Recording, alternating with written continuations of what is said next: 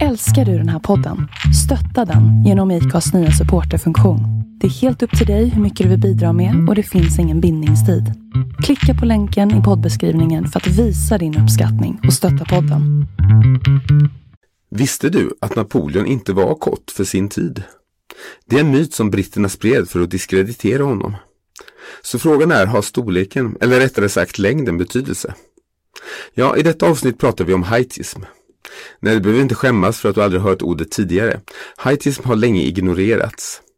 Haitism är diskriminering, fördomar och ojämlikhet som drabbar kotta för att de är kotta. Haitism genomsyrar samhället och ändå lyser frågan med sin frånvaro i offentliga debatter. Detta vill vi vara med och ändra på genom att ta upp frågan i detta avsnitt och vi har med oss en gäst idag. Vad vi frågar oss är Varför är detta ett problem? Är grunden för denna diskriminering styrd av biologi eller kultur? Studier visar att män drabbas i mycket högre grad än kvinnor. Varför är det så? Korta män är närmast uträknade på den straighta datingmarknaden, men hur är det vid gay-dating egentligen? Bidrar kvinnors val och preferenser av män till att befästa en patriarkal maktstruktur? Hur har ny teknologi med datingappar påverkat korta personers möjligheter? Ja, det är nog så att längden har betydelse, framförallt om du är man. Men innan ni långa podcastlyssnare rispar näsan i taket så glöm inte att det minsta virus kan besegra den största alfahannen. Ja, så det är så.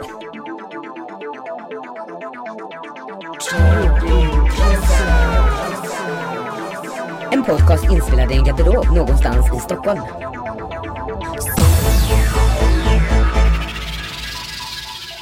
Hej och välkommen till Talking Closet och vårt andra avsnitt på den fjärde säsongen. Jag heter Christer CJ Järvhäll och med mig har jag Patrik Gren. och idag har vi en gäst också. Yes, jag heter Regina och har pluggat genusvetenskap i fyra år. Jag är numera aktivist eh, inom kvinnorörelsen och eh, jag är mycket volontärarbete via där. Skriver eh, mycket, har bloggat sedan typ 2017. Eh, också varit för, feminist sedan typ 2014. Sen så jobbar jag inom jämställdhet med olika projekt och så vidare. Så det är jättespännande. Så jag är liksom väldigt så här, engagerad i jämställdhetsfrågor kan man säga. Och idag ska vi prata om, Heitism. och vad är det för någonting? Ja, definitionen av heitism är height discrimination, alltså att man diskriminerar eh, beroende på längd. Och det handlar då om fördomar, diskriminering mot personer baserat på deras längd. Och det här, det här gäller då eh, diskriminering mot individer vars längd inte är inom den normala längdvariationen inom en population. Studier har visat att det ofta är en faktor som orsakar mobbing och att det uttrycks genom omedvetna eh, mikroaggressioner. Studier visar också att den mänskliga hjärnan bland annat använder längd som en faktor att avgöra social status och välmående. Studier har visat att spädbarn, så unga som 10 månader bara, undermedvetet knyter längd med ledaregenskaper, makt, styrka och intelligens. Både de kognitiva fördomarna och de undermedvetna associationerna har visat sig starkare när det gäller bedömning av män än av kvinnor också.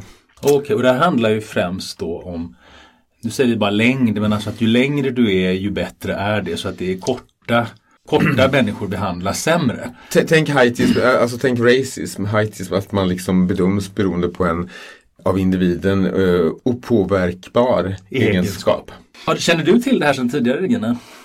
Ehm, Jag har ju inte tänkt på det förrän ni tog upp det här faktiskt. Men har du hört ordet tidigare? Nej, det har jag inte heller gjort. För det var ett ord som, eh, trots att jag är kort har upplevt det här hela mitt liv, så var det här ett ord som jag stötte på ganska nyligen faktiskt. Jag har inte heller hört om det förut. Nej, och det är väl kanske därför det är lite roligt att prata om det för det är någonting, alltså det pratas mycket om hudfärg, det pratas mycket om Ja. kön men det är aldrig någon som pratar om längd och vi kommer väl knyta ihop lite det här med både, med kön i varje fall, lite längre fram i podden. Precis. Spännande. Yes, men varför är det här intressant? Ja, det sa jag väl nu kanske. Jag menar, jag tycker det är intressant. eh, därför att min personliga erfarenhet är ju att, det, att man faktiskt blir behandlad sämre, tycker jag, som kott. Som kott, som kott. I vissa sammanhang i varje fall. Det är inte bara en offerstatus du har alltså. Det är svårt att säga kanske, men eh, jag har upplevt att, eh, att det stämmer faktiskt. Att man, Det Men- där understryks ju av att det finns statistik på eh, som ni har visat att eh, längre människor har högre eh, positioner i arbetslivet och så vidare. En svensk studie faktiskt visar att, och det här gällde män bara, men ju kortare, alltså för varje centimeter kortare en man är just större självmordsfrekvens. Det fanns ett klart statistiskt eh, samband.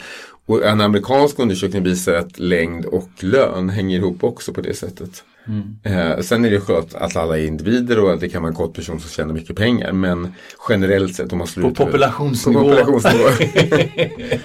ja men det här är ju faktiskt intressant därför att nu pratar du mycket om män här och att kortare män. Men om vi ser det, om vi då tar, blandar in det med just kvinnor är ju generellt kortare än vad män är. Och har lägre lön. Och har också lägre lön. Man pratar aldrig om att kanske längden också är en faktor i att kvinnor inte får så mycket inflytande. Vad skulle du säga om det som genusvetare? Gina? Tror du att det, har, att det har något med kvinnors längd att göra eller är det bara könet som spelar roll? När jag såg att ni hade tagit upp det här med kön och längd så tyckte jag att det var så otroligt intressant. Och också intressant att jag aldrig hade reflekterat över att kön och, och längd, eller att längd kan, också kan vara en faktor i diskriminering av kvinnor. Det där tror jag kan vara väldigt sant faktiskt. Det finns ju härskartekniker som till exempel män har våldskapital och så vidare. Som har att göra med att de liksom rent fysiskt har en större kroppshydda. Och liksom kan ställa sig över en kvinna och liksom tar mer fysisk plats och därför också tar mer teoretisk plats. Jag, jag kommer ihåg på en av mina arbetsplatser där eh, en eh, väldigt eh, intelligent kvinna det var någon chef som tilltalade, ja men lilla du. Precis, det var det jag tänkte och hon säga. var ju ja. jättearg för detta, hon var helt Man rasande. använder ju ofta ja, lilla gumman liksom och så ja. Och det är ju faktiskt att säga att någon är liten. Alltså. Ja, allt vad du, du säger spelar inte så stor roll. Det, är liksom inte mm. och det har ju med längden också att göra då. Alltså, ja, det, är lilla gumman, liksom. det är klart att det har. Jag tror att det, det kan bli liksom en sen nästan koppling mellan det faktiska fysiska rummet och de fysiska liksom, attributen som man har som också speglas i, i det sociala.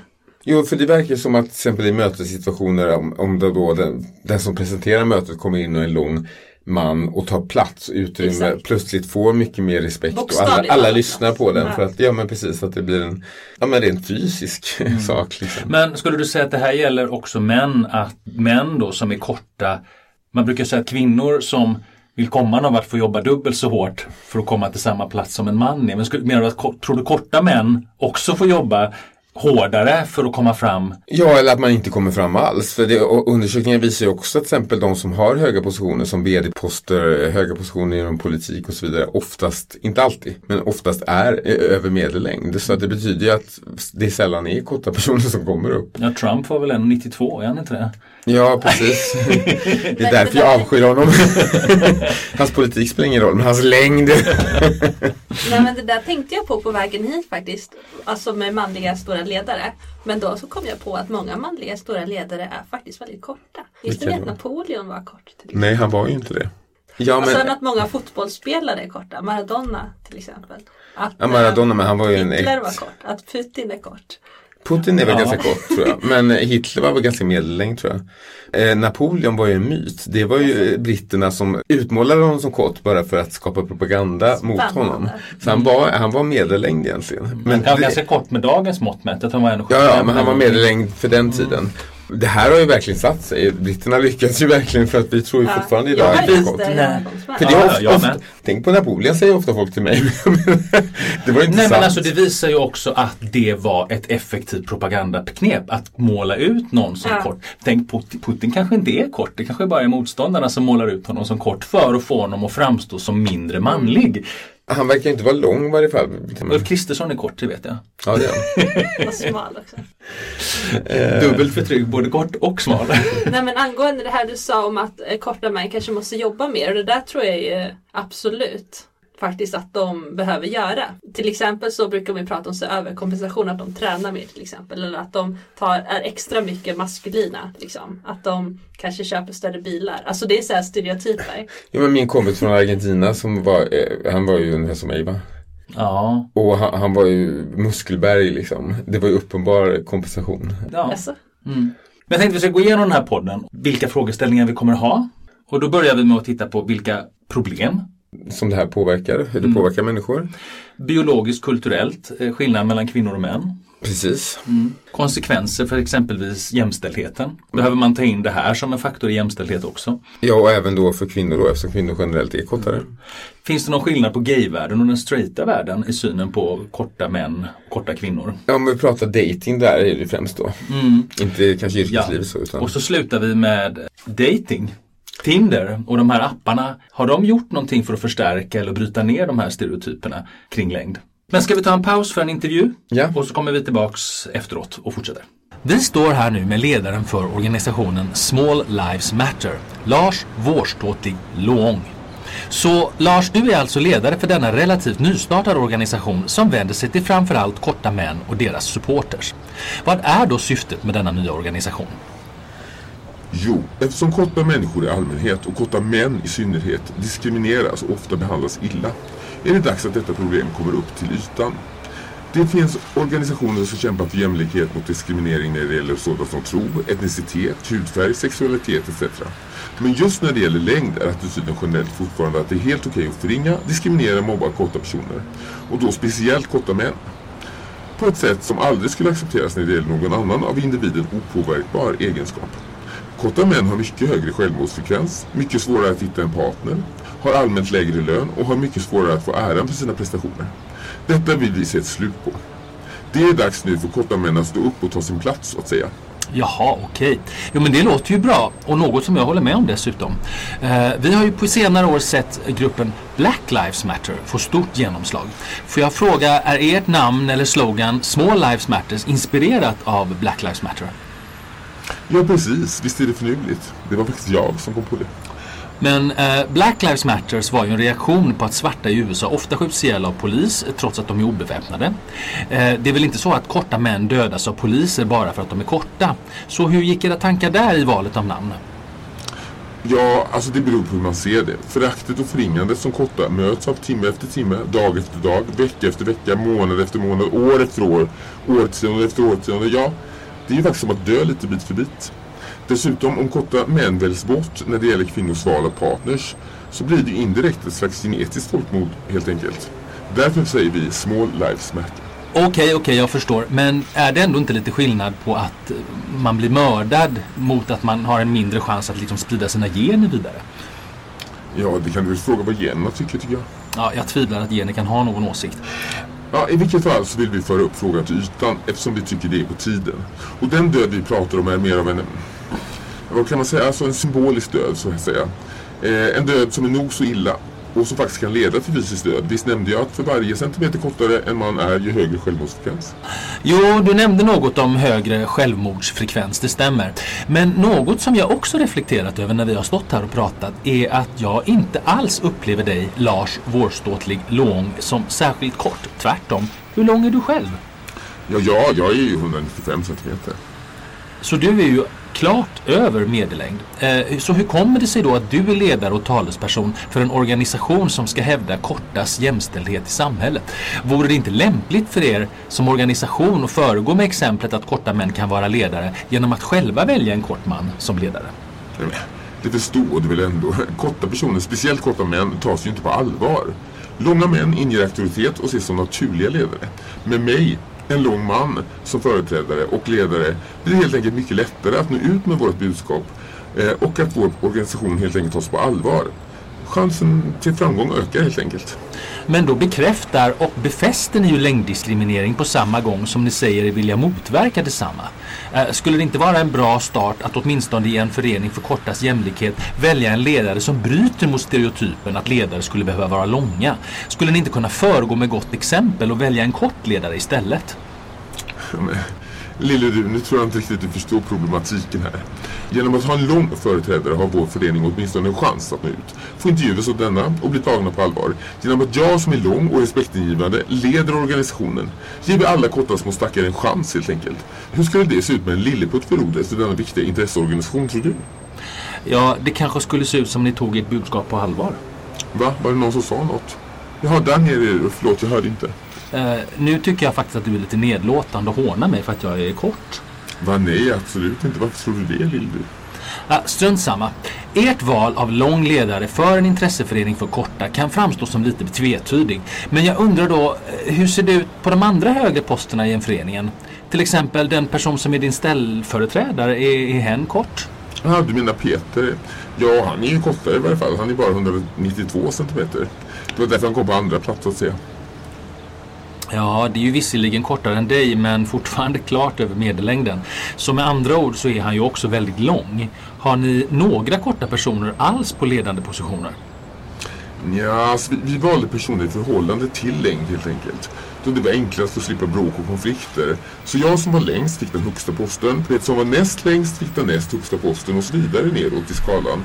Eh, och längden fick avgöra helt enkelt. Men allvarligt, det låter ju som att er organisation är långt värre när det gäller längddiskriminering än vad korta möter i vardagslivet normalt. Ni har ju låtit längd vara det enda kriteriet i ert urval. Hur försvarar ni det här? Jo men du vet, föreningens medlemmar som främst utgörs av korta män med dåligt självförtroende var helt enkelt med på idén att vi som långa bäst kan prata till deras sak. Men varför är ni ett gäng långa män ens med i en förening som är till för korta? Ja, nu var det faktiskt Kotto och deras supporters. Eh, och sedan så är ju inte lönen helt fel heller faktiskt. Så detta är inte helt ideellt alltså? Nej men verkligen inte. Vi som leder organisationen bör väl ändå få ersättning för att vi lånar ut vår längd till att föra det kortas talan. Det måste du ändå förstå. Det är som Olivia, jag menar någon som jag skulle kunna få en hög post i näringslivet eller något annat om jag inte uppoffrar mig för de här små människorna. Men jag antar att lönesättningen för er i ledningen också sker beroende på längd då? Ja men precis, hur visste du det? Ja, hur visste jag det? Det verkar som hela den här organisationen är ett bedrägeri för att ytterligare sno pengar från korta människor till dina och dina långa kompisars fickor. Fy fan, säger Ja, jag. håll käften din lilla pygmé. Vad vet du din lilleputt? Ja, pff, knappt torr bakom öronen. Haha, dvärgbäck säkert. Ja, du lille, lille... din- Ja, då har ni hört intervjun med Lars Vårståtlig Lång från organisationen Small Lives Matter. En organisation jag inte skulle rekommendera att bli medlem i om du är kort.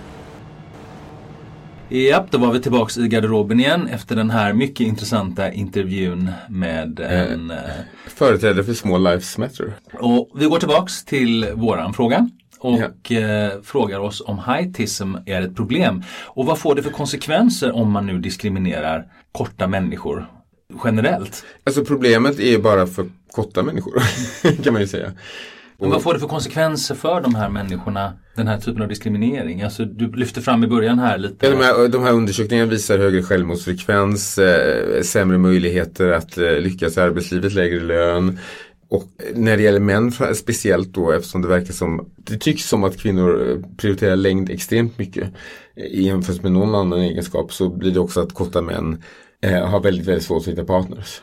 Heterosexuella korta män. Ja, heterosexuella korta män kan vi säga. Jag skulle vilja dra det lite längre till och med och säga att kopplingen till att lä- mer längd har större attraktivitet får rasistiska konsekvenser faktiskt. Med att man börjar se ner på till exempel asiatiska män. Man börjar fetischera svarta män som är väldigt långa. Så att det blir liksom att man kopplar olika egenskaper till längd. Får liksom mycket mer konsekvenser än Det är för- faktiskt sant. Ja, rasism och sånt kan ju hänga ihop också, det är sant. Ja, för man fetischiserar precis som du säger Ja. de egenskaperna. Alltså vi ser asiater som korta och därmed mindre Omanliga. manliga. Medan svarta män kan bli ett hot om de är långa. Och Exakt. Och hypermaskulina hypermaskulina. istället. De får en slags, även arabiska män har ju lite Ja. den. Jo men för, för det är ju en typisk rasistisk stereotyp är ju det här att nu kommer de svarta männen och tar våra kvinnor så vi måste stoppa dem. Alltså mycket av den här rasismen som har funnits har ju varit rädsla också för det på något Oh sätt. ja. Men om vi tittar då kvinnor, om vi ska titta på skillnaden mellan män och kvinnor. Man finns inga undersökningar som visar att, att längden på kvinnor påverkar självmordsfrekvens till exempel. Du sa ju förut att karriär och så kan ju mycket väl vara så att det, det påverkar. För kvinnor har ju lägre lön och, och har Ja, svårare och att där kanske fram. det är svårt att, att nysta ut vad som är längd och vad som är kön. faktiskt. Ja. Men däremot verkar det ju inte så som att kvin- korta kvinnor har problem när det gäller eh, hitta partners och så. Den frågan, där är ju inte problematiken densamma. Men är det inte lite så att det också funnits en idé om att kvinnan ska vara lite kortare, lite petit, alltså att det, det är lite ett ideal. Den, den långa stora mannen ska ha en liten petit kvinna. Och det hänger ihop någonstans med de normer vi har hur ett par ska se 100%. ut. Absolut, så är det ju. Jag vi menar- pratade om det innan du sa det att långa kvinnor kan ju också få problem. Ja, det där har ju liksom jag pratat med flera kvinnor som har sagt liksom, just det här med den dåliga hållningen. Att de börjar liksom kuta med ryggen och så vidare och inte känner sig riktigt bekväma att sträcka ut sig hela sin längd och ta plats längd är ett skönhetsideal om man tänker modeller och så. Men eh, jag kan tänka mig uppväxtåren, det, det, tror jag till och med Emma Sjöberg sa att hon kände sig väldigt lång och tyckte det var obehagligt nästan Ja. att hon ville liksom kuta rygg lite. Men senare så tog hon ju det fullt, tog till sig att hon var lång och, och, och levde med det på ett bra sätt. Jag var tvungen att bli supermodell för att kunna göra det. Men, men liksom, så att det finns ju ändå en slags revansch där för långa kvinnor att det- det ses ju ändå som någonting bra. Ja men det är väl ungefär Alltså kort ses aldrig som någonting bra. Det är inte så att blir Jo, alltså supermodell du, du pratar liksom. om det om att kompensera med en stor bil eller mycket muskler. Då kan man ju säga att bli supermodell är ju ett sätt för långa kvinnor att kompensera Ja, det är som åt andra säga hållet. Liksom. Maradona till exempel. Jo men du kan bara bli supermodell om du är lång. Ja, det är sant i och för sig. Du kan ju, alla de andra egenskaperna kan du tillskansa dig om du är lång eller kort. Liksom. Mm, det är sant. Den är uttalad diskriminering, du får inte vara kort. Men här ser vi ju ändå, om vi kommer fram till någon form av slutsats här, så är det ju att det är ett ideal för män att vara långa och det är ett ideal för kvinnor att vara lite kortare eller kortare. Så att det blir Ja, på något sätt blir en kvinna som är kort, söt och gullig och liksom Det passar in i stereotypen så. Men, Men alltså det, är ju, det ser inte jag som ett privilegium. nej, det är, Nej, det är inte ett privilegium. privilegium. Det, det ser vi ju när det inte. gäller lön och sånt att det inte alls är. Ja exakt. Det menar vi inte att det är privilegium, men däremot att det fortfarande anses som attraktivt. Men jag skulle nog säga att, att eh, långa kvinnor också, det är många som tycker långa kvinnor är attraktiva. Ja, det är det ju säkert. Många straighta män jag har hört som tycker det. Speciellt långa kvinnor med långa ben. Ja, långa ben är ju attraktivt. Ja. Fram till vad det var för konsekvenser av det här. Så i, inom datingvärlden, vi såg ju en, vi tittade lite på ett klipp, jag har tittat på hela det klippet och han slutar ju med i stort sett att är du kort och man så är du uträknad i stort sett. För att när det gäller män så kan män tycka att kvinnan ska vara smal eller tjockare. Det finns mycket större variation vad, vad män gillar. Medan kvinnor verkligen riktar in sig på längden. Det var någon undersökning som också visade att Ja men kan du dejta en ful man? Ja men de kan inte tänka sig att dejta en kort man. Alltså det verkligen är så. Han menar väl till och med på så att du kan träffa en kvinna om du är kort men då är det mer så här att hon, hon lyckas inte hitta någon annan så du är tröstpriset på något sätt. Vilket inte är kul att vara. Nej, det är sant. Han hade ju lite förslag på lösningar på det här. Dels finns det ju sån här eh, benförlängning eh, som är fruktansvärt plågsamt och tar flera år. Där de skär av benet och sen så skruvar de någon millimeter varje dag så att du får ligga till sängs i flera år och du kan bli några centimeter längre på det sättet. Det kostar jättemycket och är jätteplågsamt. Det andra är, eh, förslaget var ju att du kan flytta till ett land där medellängden är kortare helt enkelt så att du blir lite längre. Och det är ändå drastiska åtgärder. När man säger sådana grejer då tycker jag ändå det är väldigt drastiskt. Men då kommer vi till om vi ska prata om kvinnors urval då, om de säger att de gillar längre män. Då kan man ju på sätt och vis säga att vad det får för konsekvens på jämställdhet till exempel. Då blir det ju så att när kvinnor väljer en lång man då Ja, man förstärker en, en syn på mannen som starkare och, och på något sätt så blir det ju negativt för kvinnan i slutändan när hon gör Ur de val. Ur ett jämställdhetssynpunkt. jämställdhetssyfte. För man, Och det tycker jag att de här drastiska åtgärderna som du nämnde, det, det, det visar ju på något sätt att man har liksom gett upp tanken på att kunna förändra tanken på att längd är lika med attraktivitet. Vi ska komma in på det för det är ännu svårare. Är det bi- biologi eller är det Ja. kulturellt? För är det biologi då är det ganska svårt att ändra på det. Det- var ju faktiskt en kvinna som skrev en artikel om det här. Eh, Då hon var feminist och tyckte att eh, kvinnor bör dejta korta män för att skapa större jämställdhet var hennes idé då. Men hon fick otrolig kritik för den här artikeln. Det var många som var jättearga på det här. Tyckte det var helt vansinnigt. Men jag tänker också att när kvinnor väljer män, inte bara längd utan om kvinnor väljer män som är framgångsrika, lite aggressiva, långa, eh, har mycket Har pengar och så vidare. Ja. Då, bekräft, då, då befäster man ju och den här slags ojämlikheten på något sätt, tänker jag. Så kvinnor ska dejta korta män som inte har ett jobb och som lever på bidrag. och själva ska de ha en karriär och så. Ja men på sätt och vis, ja varför inte liksom. De ska försörja mannen för en Men det är, det samma sak, motsatsen är ju samma sak. Det är många, nej men om du ser, det är många män som har svårt att dejta kvinnor som tjänar mer pengar eller är mer Ja. framgångsrika. Så det kommer ju över från det hållet att Det män, män kan tycka det är säga. jobbigt. Men har ju faktiskt svårt för längre kvinnor som är längre än. Ja men också framgångsrika och rika. Ja. Alltså, kvin- eh, det, jag tror många män tycker det är jobbigt om kvinnan tjänar mer. Inte alla men många tycker det. Ja det är klart, det är ju en statusgrej för mannen att tjäna pengar. Alltså, det är också en sån här traditionell Ja att ska kulturell ändå vara den som att man, man är liksom födan, den liksom. som ska försörja familjen, den som ska ta hand om kvinnan och barnen. Liksom. Och många män skulle nog känna sig lite avmaskuliniserade av att kvinnan faktiskt har en bättre karriär än vad han har. Men det, det- gjorde man ju en tv-serie om på 90-talet som hette Det- Svensson Svensson. Det gick ju bara ut på att hon var eko- chefsekonom på en bank och han jobbade med någonting dåligt. Och det blev Han var, komedi. på, Det var han ju var postiljon va? Postiljon var han och det, var ju, det blev ju stor komedi liksom. Jätteroligt tyckte folk. Men ändå, det, det har ju börjat luckras upp lite i varje fall tycker jag. Ja det kanske är så. Det, det verkar som att män inte har riktigt, vissa män i varje fall, att det har blivit lite så. Men, men eh, jag tror det är en jättesvår resa. Ja det tror jag också. Jag tyckte det var intressant den här kopplingen mellan mer högre lön och längd. Jag tror inte att det bara handlar om att man automatiskt tycker att eh, män som är längre ska ha högre lön. Utan jag tror att man kanske väljer så här, vem, vem ska representera vårt företag utåt som folk gillar och får förtroende för? Och då väljer man en lång man. Inte för att man själv tycker det utan för att man antar att människor utanför företaget liksom skulle se på det positivt. Och Ja, det var ju faktiskt det vi, som, som den här killen vi intervjuade. Han säger ju just detta. Ja, men precis. Ja. Men jag tänker också det här att eh, de här sakerna tror jag är mycket undermedvetet också. Ja. Eh, Så jag, jag tror inte att någon sitter vid lönesättning och tänker att han är faktiskt 195 så jag ger honom extra lön. Utan det är bara att man undermedvetet tycker att han presterar bättre även om man inte gör det. Alltså, Ja du? men det sa du också i början någonstans där att redan vid 10 månaders ålder så börjar barn urskilja längden. Så det verkar som att det är inbyggt nästan i vår biologi och då är det ju lite tragiskt. Men för det är ju samma med rasism. Jag tror väldigt få människor är uttalat rasister. Det finns de som är det, men de Du flesta menar medvetet? Ja. Ja, utan snarare är det ju att man undermedvetet kanske gör rasist. Mm. Som en vän till mig som eh, var på eh, tunnelbanan i London och så kom det eh, så här fyra svarta män bredvid henne och stod bredvid henne. Och hon började gärna känna efter sin plånbok. Och det var undermedvetet, det var inte så hon tänkte men gud svarta män utan det bara skedde liksom. Ja, det sitter så Och, djupt. ja, och, och samma är det ju med det här. Att det, det är inte så att man tänker att nu ska vi diskriminera de här utan det bara blir så. Liksom. Jag måste ju från min akademiska uppfostran vara socialkonstruktivistisk. Jag har ju liksom inget annat val. men, eh, nej, men så jag, jag känner ju det här genom att man tar en liten data. Det här att tio månaders barn hellre ser till längre män. Och då så springer man med den där datan liksom och får den att vara mycket större och dra så himla stora slutsatser fast att det kanske bara är 10% och sen är 90% liksom det so- sociala.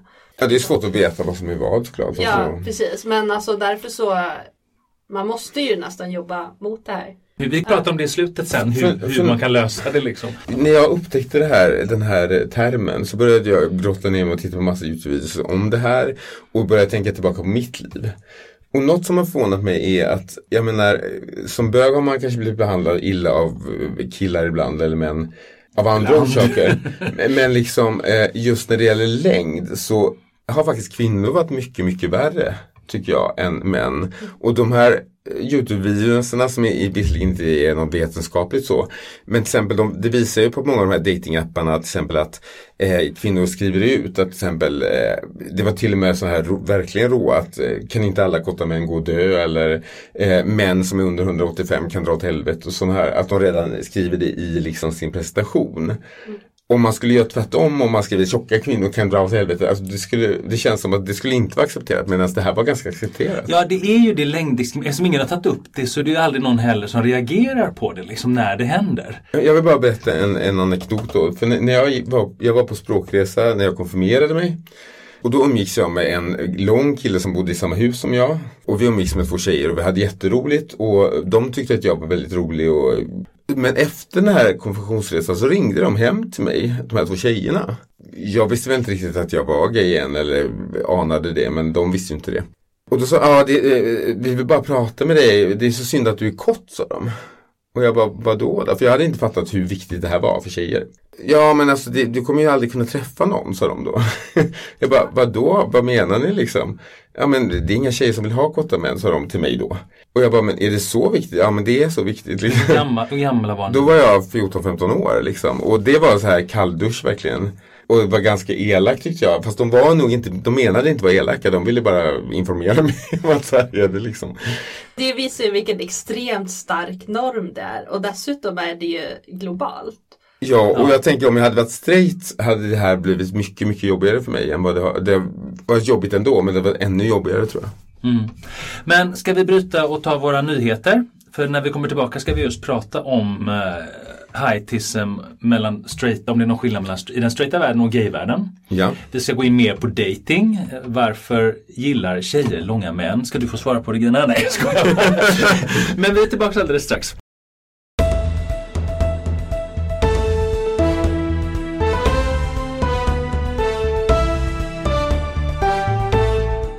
Välkommen till Verkligen Verkligt Sanna Nyheter. Här får du höra nyheterna så som de verkligen är i verkligheten. Vi börjar med våra globala nyheter. President Joe Biden, not the greatest president ever, har nu påbörjat USAs tillbakadragande från Afghanistan. Tillbakadragandet som kan ses som ordnat och välplanerat har skett helt utan några som helst problem. Talibanerna som nu tagit tillbaka kontrollen av Afghanistan har lovat att ge amnesti till alla som motarbetat dem under ockupationen, vilket fått hela det internationella samfundet att andas ut, då man av erfarenhet vet att talibanerna alltid håller vad de lovat.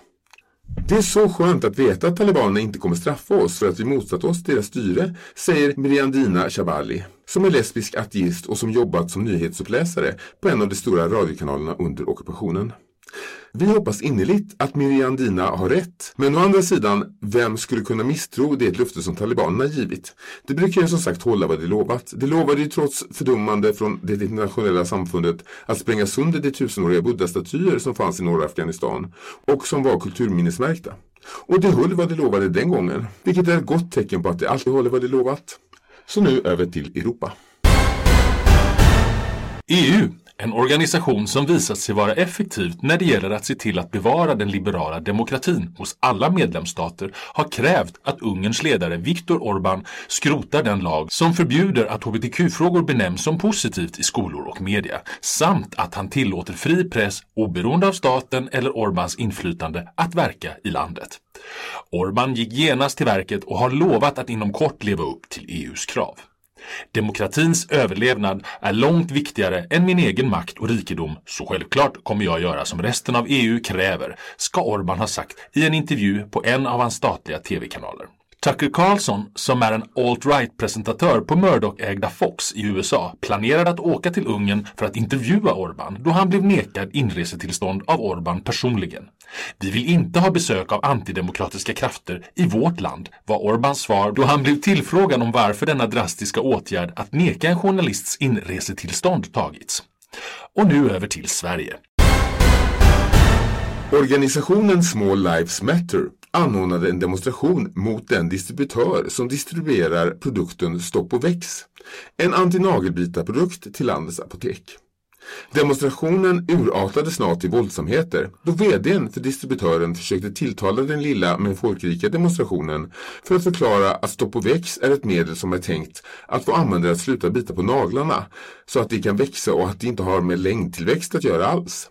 Detta var dock inget som demonstranterna ville lyssna till, utan vdn blev snabbt överröstad av burop och stenkastning. Som tur är var de flesta demonstranter så korta att de inte heller kunde kasta stenarna särskilt långt, så vdn är oskadd. När man frågade demonstranterna varför de demonstrerade mot denna antinagelbitarprodukt fick man flera svar. En demonstrant som var klart under medellängd svarade Jag använde stopp och växt i tonåren och se hur det gick. Stannade växten redan som 13-åring. En annan svarade att det var förnedrande för kortväxta att använda en slogan om att sluta växa för en sådan produkt oavsett syfte. Slutligen menade den tredje att produkten borde ges till personer i tonåren som förväntas bli långa som vuxna så att de slutar växa. För då kan ju korta känna att de inte är så korta trots allt. Ledarna för Small Lives Matter lyste med sin frånvaro då man bara kunde se mycket kortväxta bland demonstranterna. Om det var ledningen som iscensatt demonstrationen eller inte är oklart vid tiden för denna publicering. Vi förespår att dramat kring produkten lär fortsätta till producenten har vett att byta namn. Och det var allt för verkligen verkligt sanna nyheter. Då är vi tillbaka här i garderoben efter vårt helt sanna nyheter. Vi ska fortsätta prata om heightism och nu ska vi gå in lite på kanske om det är skillnad. Vi har ju pratat om dating och kvinnor och kvinnors då eh, preferens för långa män. Det är lite skillnad kanske i gayvärlden liksom hur det ställer sig. Vi kan ju börja lite där, men vad, vad säger du om det Regina? Har du märkt någonting om tjejer och preferens för längre män eller kortare män? Är det någonting tjejer pratar om? Tyvärr så måste jag säga att eh, det jag har lagt märke till det ganska mycket. Och att jag tror faktiskt att det finns en slags diskriminering mot korta män. Jag tror också att det var ni som skrev att det hade varit det att inom incelkulturen så är det oftare korta män. Att det är en del av incest, alltså Exakt, en del. är består ju av liksom- flera olika Exakt. skikt sådär. Men en grupp är ju korta män som är väldigt så bittra, Nej, men så att- minst sagt. Jag har ju, jag själv har ju när jag var, senaste gången som jag dejtade typ, eller träffade en kille som var typ kortare eller lika lång som jag, så var jag 16. Nej men då så äh, träffade jag honom och så här, folk kunde så här, fråga om en, äh, eh, han är min bror eller typ så här. Så, där. så jag tyckte liksom att det var så här, det började bli liksom lite så här jobbigt. Jag kunde inte ha eh, äh, klackar och sådana grejer och jag är inte jättelång. Sen så träffade jag ju han som jag är ihop med nu och han är ju ganska mycket längre än jag. Och då, det, är liksom, det känns ju helt annorlunda när man liksom är utåt. Men menar du att du blir mer accepterad bland dina kvinnliga Yes. kompisar? Ja. Det är så alltså? Ja, men tror du inte det är lite så också att det blir ytterligare ett socialt impediment just att vi pratade om det förut att även vi reagerar om man ser en, en lång kvinna med en kortare man. Det, blir, det syns så tydligt för det, det avviker på något sätt från vad vi är vana vid att se.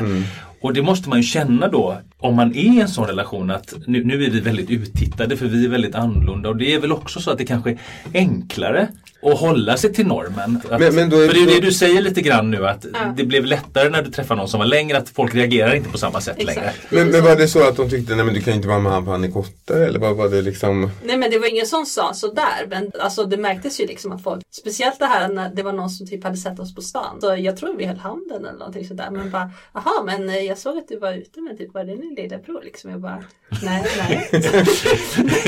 Det är ganska förnedrande. Eller hur? Ja, men det var- Lillebror också. Ja, precis. Nej men det var så här lite, Här kommer den stora frågan också som jag är lite nyfiken på. Jag tror att en del av det här är biologiskt styrt. Vi det tror inte jag. Du tror inte det? Nej, det tror jag inte. Jag, jag tror att det finns, ehm, alltså jag tror att vi underskattar hur starka samhällsnormer är. Vi vill gärna använda biologiska förklaringsmodeller.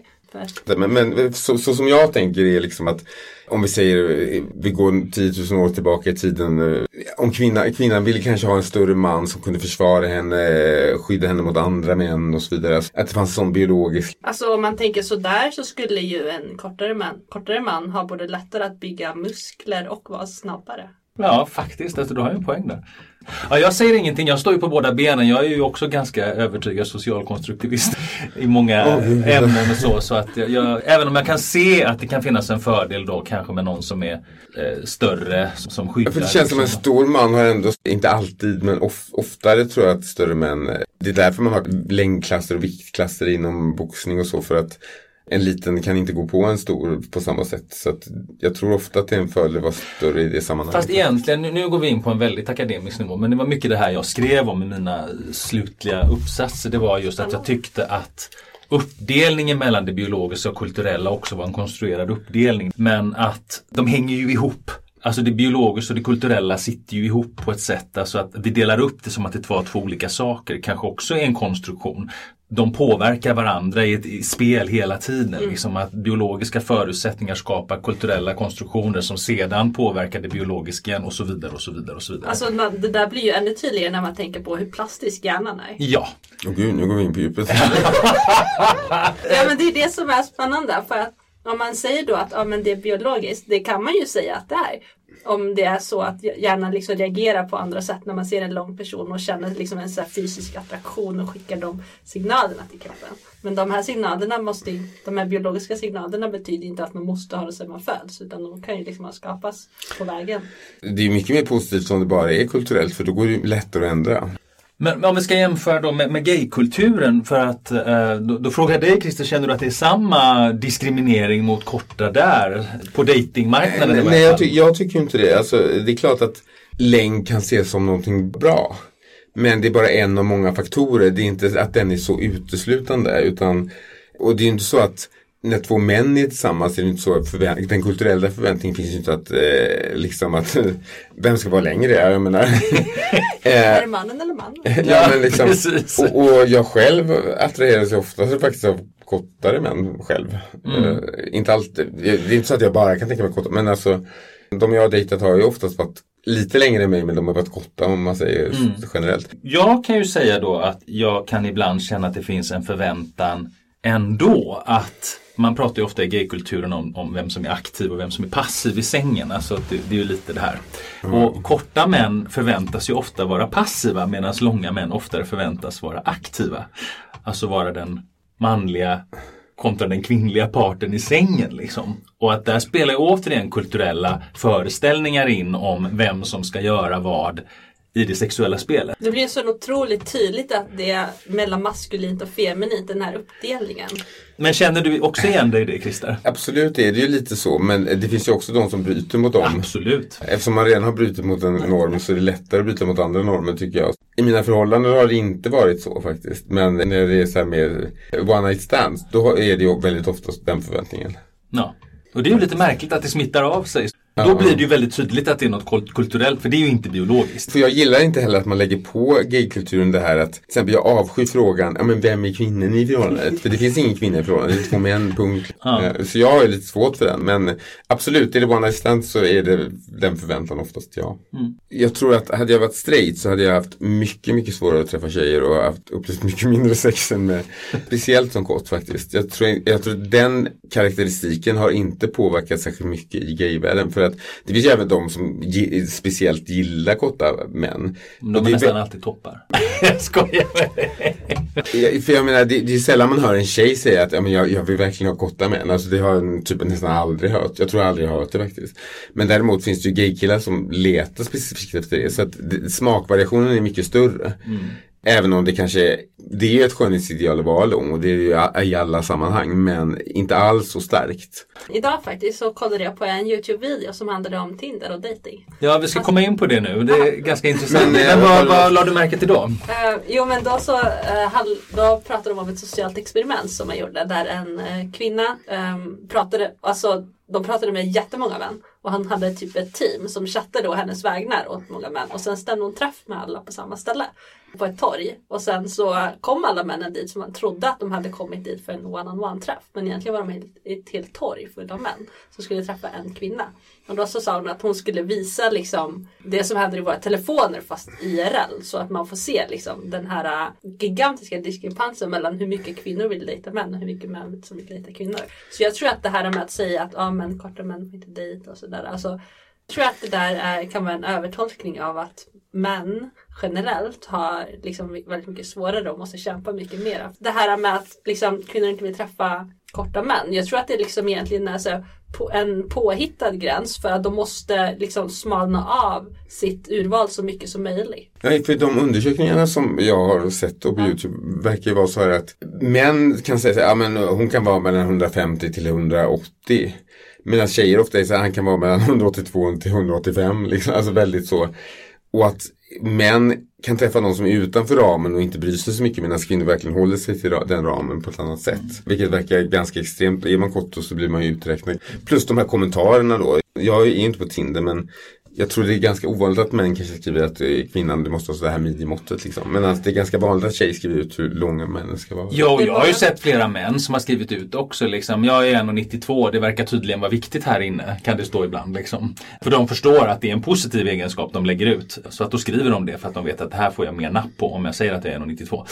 Alltså tjocka kvinnor tror jag blir diskriminerade också på Säkert. Absolut, det är helt Men jag tror inte övertygad det är lika uttalat. Jag tror inte att männen Det- det skriver det, jag. kanske. Jo det är de. Skriver de att de Ja, det jag Ja, det det Halsiga tjocka kvinnor. Men de är mer de- intresserade av utseende. Alltså, de skriver till kvinnor de tycker är utseende Fast längd är ju ett form av utseende också. Ja. Ja, det är det ju. Det är en utseendefaktor på något sätt. Men Eh, något jag tänkte vi skulle ta upp här det är ju hur de här sociala medierna ändå förstärker mycket av de här stereotyperna kring utseende. Inte bara längd utan som du säger alltså vad man väger och, och gör oss vackrare än vad vi är i verkligheten för att få till en match. Och på många sätt förstärker det ju egentligen bara stereotyper kring hur vi ska vara. Jag har ju eh, kollat en hel del eh, så här klipp och sånt om det här. Och det verkar ju som att de här, det här sociala medier och appar och sånt har ju snarare gjort det mycket värre. Därför att tidigare kunde du, vi säger att du, du är inte det här idealet som eh, en kvinna eller en man vill ha. Men på krogen kan du ändå, du kan visa din charm, du kan visa att du är intelligent, att du är rolig. Du kan visa andra saker så att du ändå blir attraktiv. Men om du bara ser, ser en app där dina mått finns, du är så här, väger så här, du är så här lång. Eh, eh, då blir du direkt bortvald fast du kanske hade kunnat passa perfekt för den här personen. För det finns andra saker som du inte ser i en liksom bara beskrivning. Människor blir liksom en så här karikatyr på något sätt. Det finns ju så här färdiga subjektspositioner typ som man kan säga som man ska passa i människor i. Ja. Alltså det blir liksom och då så, så fort man bara ser lite så kan man liksom direkt positionera den. Det blir liksom ingen 3D-människa på samma sätt. Jag skrev en artikel om det här för länge sedan faktiskt. Eh, 2008 tror jag jag skrev en artikel faktiskt. Om just det här att när vi gör det på det här sättet. Det är samma när folk går på dejt och nästan har så här listor de ska pricka av. Han är sån utbildning och han är så lång. Du kanske missar kärleken i ditt liv som skulle vara den perfekta för dig. Bara för att du har bestämt att de här måtten och det här eh, utbildningen så ska personen ha. Men i ett socialt sammanhang så är det så mycket annat. Hur person rör sig, hur person skrattar, humor. Det är mycket grejer som inte kommer fram. Har vi kommit fram till att uh, haitism går att koppla till kapitalism? Nej, det har vi inte. den har vi inte, faktiskt inte tänkt på. Nej, det har inte Jo men jag tänkte på det här med att människor blir konsumtionsvaror. Ja, för det blir vi ju i en sån marknad när, Ja. vi, när vi bläddrar. Fast det, det gäller ju alla, det gäller ju alla karaktäristiker då. Ja, det gäller ju både vikt och längd och utseende och allt sånt här liksom. Att det bara blir en innehållsförteckning liksom. Och det är ju längd och andra faktorer då såklart. Men det är ju den här varifieringen som märks. Ja, det blir en kommodifiering av. Kan vi komma till någon slutsats? Med, gå tillbaks till det här med längd igen. Vi har väl Upp fastslå... till kamp! vi kan väl säga att vi alla är överens om att det föreligger en form av diskriminering mot eh, korta män men att även kvinnor drabbas eftersom de generellt är kortare än män. Ja, och jag vill tillägga det att även om kvinnor kanske inte har samma problem i datinglivet och så. För jag vet, jag har känt korta kvinnor som också tycker att till exempel, det kommer jag ihåg i skolan och så att det ofta att man, även om man presterade bra, hade alla rätt på prov och så så blev det, ja ja lilla du. Det var någon tjej jag kände som var 1,50 och hon upplevde också att hon, hon var superintelligent men hon, det blev alltid så, ja ungefär som att man nästan är ett barn. Att du förstår inte bättre för du är inte vuxen än. Alltså, för man aldrig blir längre, alltså man blir aldrig vuxen då för man är för kort liksom, för att bli vuxen på något sätt. Men Så att så att även det- kvinnor upplever det i, i den delen även om inte lika mycket i datinglivet kanske. Vad ska du säga? Eh, nej men jag tror att det där är liksom precis som andra normer som så verkar så extremt starka att man tror att det inte går att ändra. Liksom. Så starka är de. Men alltså jag tror att det är jätteviktigt att um, att åt, åtminstone göra så här som vi gör. Bara liksom ta upp och typ prata om det och typ granska sina egna undermedvetna Jag tror att det, det är så svårt också för om man nu säger då att kvinnor då attraheras av längre män. Det är ju svårt att säga till kvinnor men det får du inte göra. Du får inte lov att attraheras. Nej, du ska bli ihop med korta sak. män. Alltså det, det, det är svårt att man komma kan inte åt. tvinga, det är samma som Nej. att vi kan säga men du måste attraheras av kvinnor. Alltså, det går Ja, inte. du är Alltså, homosexuell, du får inte man vara. kan Du inte- man kan måste, inte du måste dras till kvinnor liksom. man, kan- det, det går inte att styra, det är det jag undrar för om Men det, jag tänkte mer på arbetsmarknad. Ja, jag tänkte absolut. mera på liksom, reagerar man på om det är, hur reagerar man på en kort man och en lång kvinna liksom. Men, men du är ändå ganska, du har starka åsikter och du eh, uttrycker dig ganska mycket. Och du är inte särskilt lång. Eh, har du upplevt någonting, att liksom att folk tycker, ja ja lilla tjejen eller att de inte kan ta det på allvar bara för att du är du liksom? Alltså jag tror att det är för att jag har ingen egentlig uppfattning om min egen kroppsstorlek. Nej men alltså känner du ibland att du får den liksom att folk ignorerar dig för, för ditt utseende eller för vem du är. Alltså, de tar inte dina åsikter på allvar för du, du liksom eh, inte den personen de tror ska kunna vara intelligent eller komma med något vettigt. På något sätt. Jag är faktiskt alltid tagen på väldigt stort allvar. Du har aldrig blivit det? Ja. Alltid? ja. Okej. Det motbevisar tesen. Faktiskt finns inte. Men alltså, grej- nej jag vet inte. Jag tror, jag tror inte att jag är ehm, den som man ska liksom se som så här, the average. Men, men får du, har du någon gång fått kommentarer liksom förnedrande eller liksom eh, förringande kanske snarare? Ja, alltså det har ju varit om att jag är smal. Att folk har kommenterat det liksom. Det är en helt Men de har inte knutit det till dina åsikter att du kan inte ha några åsikter för du är för liten? Ja men den här lilla gumman typ. Nej. Nej, nej jag undrar alltså. Det... Jag kommer säkert på den när jag åker hem härifrån. Bara, Vi spelar in det alltså, efter. Ja, eh, Eh, Det var väl kanske allt. har du något mer du vill säga? Mm, Nej, men inte mer än att det är liksom kul att prata om den där frågan som man Men- aldrig har pratat om tidigare. Jag har faktiskt en fråga till till dig. Jag, ibland när jag har sett så här par på stan, för det händer ju även om det är ovanligt, där tje- tjejen är längre och de går hand i hand. Jag reagerar också för att det är så ovant, så att jag också tittar, så det är säkert jobbigt för dem. Men jag kan ju samtidigt då känna, eh, jag har ju känt en positiv känsla att, men vad kul att de faktiskt vågar göra det, att de skiter i vad andra tycker så.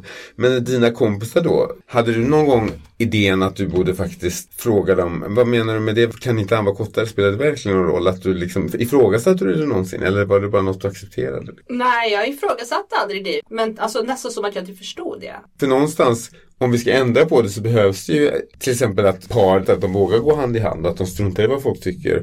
Och att om man får negativa kommentarer att man faktiskt ifrågasätter det. Varför ska inte det kunna gå? Varför kan inte han vara Ja men det är precis som när du möter en rasist Egentligen, och du eller? möter någon som eh, eh, använder kvinnoförnedrande kommentarer. Att man säger ifrån när det händer liksom. Så att man Ja. medvetandegör situationen. Alltså jag anklagar inte dig för att du inte gjorde det men egentligen det är bättre om man kan göra det. För Om det man, första var jag 16. ja, man, ja, men, precis. men om man är medveten om den här problematiken att man faktiskt vågar säga ifrån. För då kan man börja bryta de här normerna. Om man bara accepterar det då befäster Man lägger ju aldrig det. märke till det som man säger undermedvetet. Det, det är ju det man vill göra med till exempel typ diskursanalys och sånt. Som man gör i sånt här program. Att man faktiskt tar upp det till ytan och ifrågasätter det. För då tror jag att personen på andra sidan kanske förstår att ja, men det här är kanske inte okej att göra så här. Varför tänker jag så här? Eh, För det är Kanske. samma med rasism. Jaha, men varför säger du så om han? Det, har det någonting med hans hudfärg att göra? Eller om man börjar våga göra det så tror jag att de flesta De inte vill inte vara. Nej, och de flesta är inte illasinnade. Det är bara att de inser inte själva. Jag tror att jag själv gör sådana saker Ja, ibland utan att förstå det. Men om någon då ställer liksom en lykta framför mig och så jag får inse, men gud, det här var ju fel. Alltså, det är då man kan börja förändra det, tänker jag. Då blir en annan fråga som jag ibland har fått typ när jag pratar om sexism och man måste ifrågasätta sexism. Då är, varför kan inte bara låta folk vara? Men då förändras inget om något. Nej, man kan inte tro det.